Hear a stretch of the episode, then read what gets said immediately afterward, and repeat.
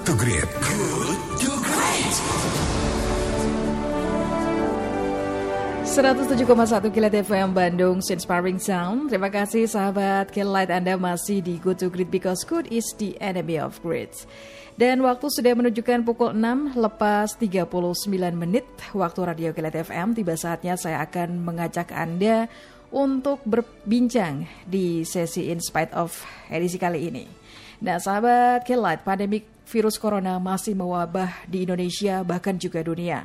Setiap harinya korban terus bertambah, bahkan kabar terakhir menyebutkan di Indonesia sudah tembus di angka 27.935 kasus. Tidak hanya masyarakat biasa, wabah ini pun merenggut nyawa para tenaga medis yang bertugas. Nah, melihat hal tersebut, Universitas Indonesia kembangkan APD, respirator pemurni udara bagi tenaga medis. Tim ahli dan peneliti Universitas Indonesia atau UI mengembangkan prototipe alat pelindung diri atau APD dalam bentuk pelindung wajah dengan menggunakan teknologi respirator pemurni udara bertenaga baterai atau RPUBB atau singkatan dari Powered Air Pure Paying Respirator. Dan di ujung telepon kita sudah terhubung dengan salah satu narasumber kita di pagi hari ini, yaitu Bapak Ahmad Gamal PhD, selaku Direktur Inovasi dan Sains Teknopark Universitas Indonesia. In spite of. In spite of. Halo, selamat pagi Pak Ahmad. Assalamualaikum.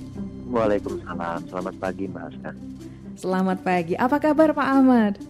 Alhamdulillah baik dan sehat. Alhamdulillah luar biasa. luar biasa. Semoga pandemi corona segera berakhir ya Pak Ahmad ya. Amin. Amin. Amin. Ya sebelumnya saya mau mengucapkan terima kasih Anda sudah berkenan untuk diajak berbincang bersama dengan kami di sini dan juga sahabat Kelat yang saat ini sedang stay tune Pak Ahmad. Baik. Pak Ahmad, ini tim ahli dan peneliti UI kabarnya mengembangkan uh, prototipe alat pelindung diri atau APD dalam bentuk pelindung wajah dengan menggunakan teknologi uh, RPUBB ya. Ini Betul. bagaimana awalnya tim ahli dan peneliti menemukannya? Silakan bisa diceritakan uh, ini sebetulnya adalah usaha yang sifatnya uh, top down gitu ya. Jadi uh, Universitas Indonesia melalui wakil rektor bidang riset dan inovasi uh, beberapa waktu yang lalu, mungkin sekitar bulan Maret, uh, seiring dengan sudah ditemukan kasus corona di uh, Indonesia yang pertama, uh-huh. uh, memerintahkan kami di Direktorat Inovasi untuk mengumpulkan uh, para peneliti dan inovator yang ada di lingkungan universitas uh, untuk segera membuat uh, beberapa instrumen yang bisa membantu penanganan uh, pandemi COVID-19. Mm-hmm. Jadi sebetulnya uh, respirator itu hanya salah satu dari sekitar 35 inovasi yang sudah diluncurkan oleh UI. Mm-hmm. Uh, di antaranya misalnya ventilator yang portable. Uh, saat ini sekarang dalam tahapan uji klinis dan sudah ada beberapa mitra yang uh, sudah tertarik untuk uh, mengkomersialisasikannya. Mm-hmm uh, dan sudah disumbangkan ke beberapa universitas juga.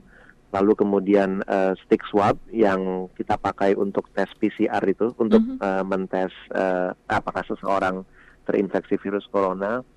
Lalu kemudian ada uh, ya salah satunya adalah respirator uh, dengan pemurni udara ini. Oke, iya. Ini terinspirasi awalnya dari situ ya, Pak Ahmad ya? Betul, iya. Ya, Pak Ahmad ini uh, kabarnya ini hasil kolaborasi ya. Kalau boleh uh, dijelaskan ini kolaborasi uh, bersama dengan pihak mana saja yang terlibat? Uh, jadi di dalam UI sendiri kan selalu timnya sifatnya lintas disiplin. Mm-hmm. Uh, tentunya uh, teman-teman engineer uh, dari Fakultas Teknik dan MIPA yang uh, menciptakan alatnya, mm-hmm. tetapi kan sebetulnya kebutuhannya datang dari Fakultas Kedokteran dan pengujiannya misalnya uji klinis atau uji ketahanan uh, dan uji efektivitas alat itu kita kerjasamakan dengan teman-teman dari Fakultas Kedokteran di memang sangat lintas disiplin, lalu kemudian sudah ada beberapa industri yang memang terlibat sejak awal dalam proses uh, apa namanya pengembangan dan juga proses uh, komersialisasi alat harapan kami nanti. Uh, salah satunya adalah perusahaan-perusahaan uh, farmakologi besar di Indonesia. Oke. Okay. Saya belum boleh sebut namanya karena perjanjiannya belum uh, apa namanya perjanjian lisensinya belum selesai begitu. Oke. Okay. ya Pak Ahmad ini sebagai edukasi pada pendengar, apa sih bedanya APD dengan uh, teknologi respirator ini dengan APD lainnya? Uh, jadi begini, uh, kalau kita orang yang sehat untuk menghindari potensi penularan kan kita cukup pakai masker kain mm -hmm. atau kadang-kadang pakai masker bedah begitu ya. Tapi uh, mungkin Mbak Aska juga pernah lihat bahwa teman-teman tenaga medis itu bisa sehari penuh menggunakan uh, pakaian hazmat. Jadi hmm. mereka harus pakai uh, baju yang bahannya seperti dari plastik begitu ya hmm. untuk menghindari penularan virus. Lalu kemudian mereka harus pakai masker lagi, maskernya N95 dan di depan masker N95 itu dia harus pakai topeng lagi hmm. dari uh, kaca atau dari akrilik begitu. Uh, ini untuk menghindari tidak hanya dia menulari pasien, tetapi juga menghindarkan pasien menulari uh, tenaga medis. Yang lebih berbahaya lagi adalah kalau teman-teman yang bekerja di ruang operasi. Mm-hmm. Nah, di ruang operasi itu uh, harus sangat steril sehingga kemudian uh, masker yang harus dipakai masker kacanya ya, bukan mm-hmm. masker um, kain atau masker bedah yang seperti kita tahu itu. Mm-hmm uh, itu harus dipakai ketat menempel di wajahnya. Nah, bayangkan dalam kondisi seperti itu uh, teman-teman kita yang melakukan operasi itu hmm. harus uh, bisa menjaga fokusnya dengan kesulitan bernafas. Uh, Jadi sebetulnya ya. problem utamanya adalah bahwa perlindungan itu membuat dirinya tidak nyaman dan bahkan karena suplai oksigennya berkurang, sebetulnya kan kemampuan untuk fokusnya juga berkurang begitu. Hmm. Jadi kemampuan pelayanan, apalagi kalau dia melakukan sesuatu yang sangat uh, krusial seperti upaya pembedahan, itu mm -hmm. kan uh, menjadi uh, lebih sulit lagi untuk dilakukan. Betul. Jadi uh, pada dasarnya sebetulnya yang kami ciptakan adalah masker, tetapi dia uh, terhubung dengan selang, lalu selang itu uh, di ujungnya ada uh, respirator, mhm. respiratornya mm -hmm. itu uh, mendorong udara untuk bisa masuk ke dalam maskernya begitu. Nah, di dalam respiratornya uh, itu sudah ada pemurnian, jadi ada penyaring yang bisa menyaring virus uh-huh. uh, dan uh, bisa menyaring bakteri, juga menyaring uh, partikulat yang ada di udara, sehingga kemudian udara yang masuk adalah udara yang bersih.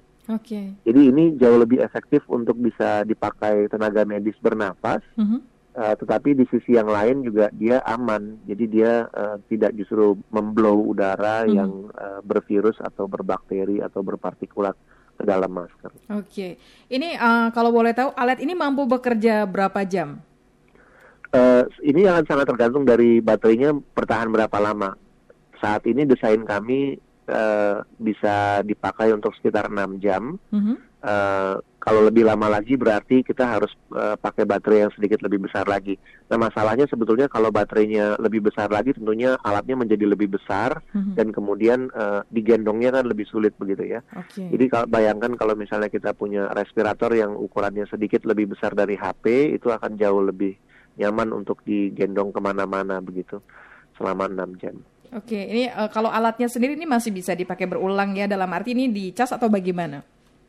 Iya bisa dicas. Jadi uh, supaya praktis ini bisa dicas saja seperti kita mencas HP begitu. Uh-huh. Uh, tentunya yang harus uh, diperhatikan adalah bisa dipakai berulang tidak oleh orang-orang yang berbeda karena uh, maskernya sendiri kan menempel di wajah sehingga setelah dia dipakai dia harus di disinfeksi lagi begitu baru kemudian dia dipakai kembali. Okay. Uh, yang paling aman tentunya adalah kalau dia dipakai hanya oleh satu orang tenaga medis saja, tidak dipakai bergantian oleh uh, para tenaga medis begitu. Mm-hmm. Agar lebih aman ya, karena memang harus Betul. sama satu orang ya dipakainya ya. Betul. Oke Pak Ahmad ini sejauh ini uh, prototipe APD RPUBB ini sudah diuji coba di mana saja? Uh, saat ini yang bekerja sama dengan kami uh, Rumah Sakit Universitas Indonesia karena kami sendiri sudah punya rumah sakit di UI mm-hmm. uh, yang bisa dikerjasamakan untuk keperluan uji klinis. Tapi saya juga sudah mendapatkan banyak sekali permintaan dari misalnya RSPAD, lalu kemudian dari beberapa rumah sakit uh, swasta lainnya di Jabodetabek gitu. Mm-hmm. Baru di RSUI ya? Betul. Oke, okay. nah ini uh, sejauh ini dampaknya bagaimana uh, untuk para dokter atau tenaga medis yang sudah menggunakan? Bagaimana uh, respon dari mereka? Uh, saya mendapat banyak uh, permintaan sebetulnya untuk ini bisa segera diproduksi karena uh, menurut mereka ini sangat membantu ya meningkatkan kenyamanan dan uh, memang meningkatkan kemampuan untuk fokus karena uh, pada saat mereka harus mengerjakan tugas yang sulit dengan uh, supply oksigen yang berkurang, memang kemampuan fokusnya juga berkurang. Tapi memang uh, untuk alat uh, medis kan memang ada tahapan-tahapan yang harus dilalui, terutama tahapan-tahapan uh, uji klinis dan uh, izin edar dari Kemenkes. Jadi memang kita tidak berani langsung memproduksi banyak begitu. Mm-hmm. Memang kita butuh melalui beberapa tahapan itu terdahulu. Okay. Uh-huh. Sejauh ini sudah diproduksi berapa banyak? Uh, saat ini statusnya masih uji klinis. Okay. Uh, kami belum berani produksi kalau uh, sudah ada izin produksi dan izin edar dari Kemenkes, baru kami uh, produksi banyak. Tapi memang beberapa mitra sudah menyatakan ketertarikan untuk bisa segera memproduksi dan menyebarluaskan. Uh, kalau untuk keperluan uji klinis, uh, kita bisa produksi sampai uh, puluhan unit begitu ya. Tetapi kalau untuk disebarluaskan memang perlu izin dari Kemenkes dulu. Baik, mudah-mudahan lancar ya Pak Ahmad ya untuk uji klinisnya. Amin, insya Allah. Ya, baik yang terakhir ini Pak Ahmad di perbincangan kita. Harapan Anda mewakili uh, bersama dengan tim apa sih ke depannya Pak? Uh, sebetulnya alat-alat ini kan bukan alat-alat yang baru, ada banyak alat-alat di pasaran, tapi sayangnya uh, kemampuan kita untuk memproduksi itu tidak seimbang dengan uh, kemampuan kita untuk membeli alat begitu. Jadi sebagian besar alat-alat yang kita beli itu, kalaupun kita punya uangnya, tidak berarti kita mudah mendapatkannya karena semuanya masih diimpor dari luar negeri. Nah harapan saya sebetulnya uh, pandemi COVID-19 ini membawa hikmah uh, kesadaran kita bersama untuk kita bisa meningkatkan kapasitas produksi dalam negeri dan itu perlu dilakukan dengan mempermudah seluruh lini dari aspek perizinan, dari aspek uh, pengujian, lalu kemudian uh, kemudahan-kemudahan yang diberikan oleh pemerintah kepada teman-teman kita mitra industri untuk memproduksi alat-alat kesehatan. Sehingga pada saat terjadi seperti ini kita bisa dengan cepat meningkatkan kapasitas produksi dan mendistribusikan alat-alat kesehatan yang dibutuhkan oleh rumah sakit dan tenaga medis. Baik, baik. Pak Ahmad, terima kasih untuk perbincangan kita di pagi hari ini. Ini, ini menambah uh, informasi baru bagi kami dan juga edukasi bagi masyarakat. Lancar dan sukses untuk Anda dan tim ya Pak Ahmad ya. Terima kasih. Assalamualaikum. Waalaikumsalam warahmatullahi wabarakatuh. Ya, sahabat, kira demikian perbincangan kita di In Spite Of bersama dengan Bapak Ahmad Gamal PhD selaku Direktur Inovasi dan Sains Technopark Universitas Indonesia.